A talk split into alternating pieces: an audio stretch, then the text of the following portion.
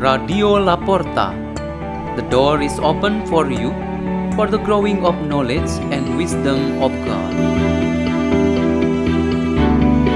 Delivered by Mariska Yuliana Tobing and Oscar Hadisanjaya from St. Peter's School in Archdiocese of Jakarta, Indonesia.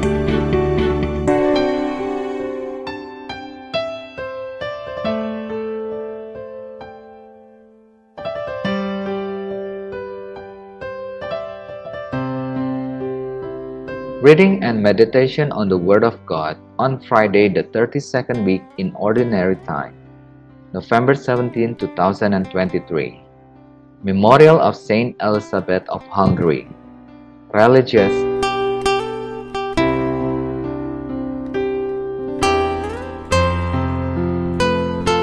A reading is taken from the Holy Gospel according to Luke chapter 17, verse 26 until 37. Jesus said to his disciples, As it was in the days of Noah, so it will be in the days of the Son of Man.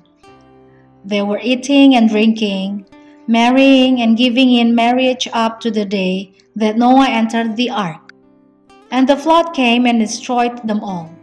Similarly, as it was in the days of Lot, they were eating, drinking, buying, selling, planting, building. On the day when Lot left Sodom, fire and brimstone rained from the sky to destroy them all. So it will be on the day the Son of Man is revealed. On that day, someone who is on the housetop and whose belongings are in the house must not go down to get them. And likewise, one in the field must not return to what was left behind. Remember the wife of Lot. Whoever seeks to preserve his life will lose it, but whoever loses it will save it. I tell you, on that night there will be two people in one bed. One will be taken, the other left. And there will be two women grinding meal together. One will be taken, the other left. They said to him in reply, Where, Lord? He said to them, Where the body is, there also the vulture will gather. The Gospel of the Lord.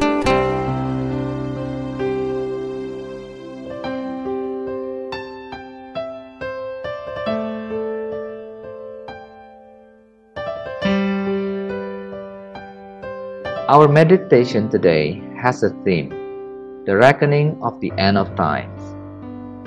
The issue that the end of times is a part of our faith and approaching the end of the liturgical year, which is only a week or two away. It is the time provided for us by the Church to reflect on it with great intensity. Today, the passage of the Gospel refers it to the day the Son of Man appears. Jesus Christ speaks about himself. The end of time is a reality of faith that will only happen later. We cannot think only with reason, but must with also faith. The end of times assures that the reality we will experience is to see the true God, the God we think and imagine while on earth. Therefore, the Book of Wisdom in the first reading confirms that what we will meet later is the ruler and maker of everything, who is the Lord of all beauty, power, and goodness. The scriptures explain the end of times through the teachings of Jesus Christ, the visions of the saints who were gifted with it. These teachings and testimonies speak in many different lights so our understanding must have the ability to make calculations or to have characteristics of, about it. If we have that calculation, know what the figure looks like, and believe in it while we are still on earth, our hope and for the end of times will be something encouraging.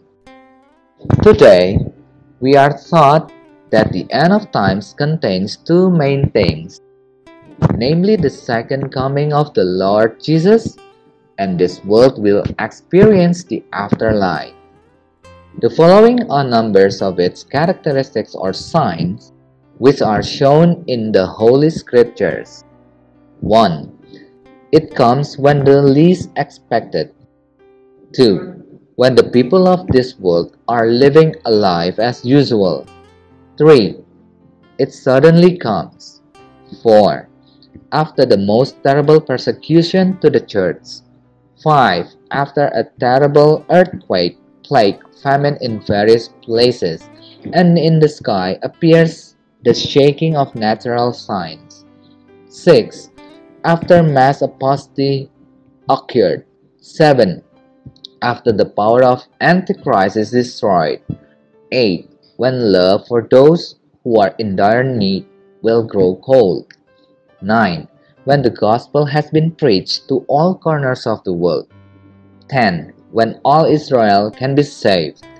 11. When this church will come holy and blameless, without spot or scratch of any kind. Yesterday and today, many people have been busy sharing stories and spreading the word to everyone. If there are signs that the end of times would occur on a certain day. But until now, this hasn't happened. What is certain is this we will prepare ourselves, and if our own death comes, it will be the end of time for me as a follower of Christ. Let's pray. In the name of the Father, the Son, and the Holy Spirit. Amen. O Father of all wisdom, when Jesus Christ comes again, may we be found ready and worthy. Hail Mary, full of grace, the Lord is with thee. Blessed art thou among women, and blessed is the fruit of thy womb, Jesus. Holy Mary, Mother of God, Pray for us sinners, now and at the hours of our death. Amen. In the name of the Father, the Son, and the Holy Spirit. Amen. Radio La Porta. The door is open for you.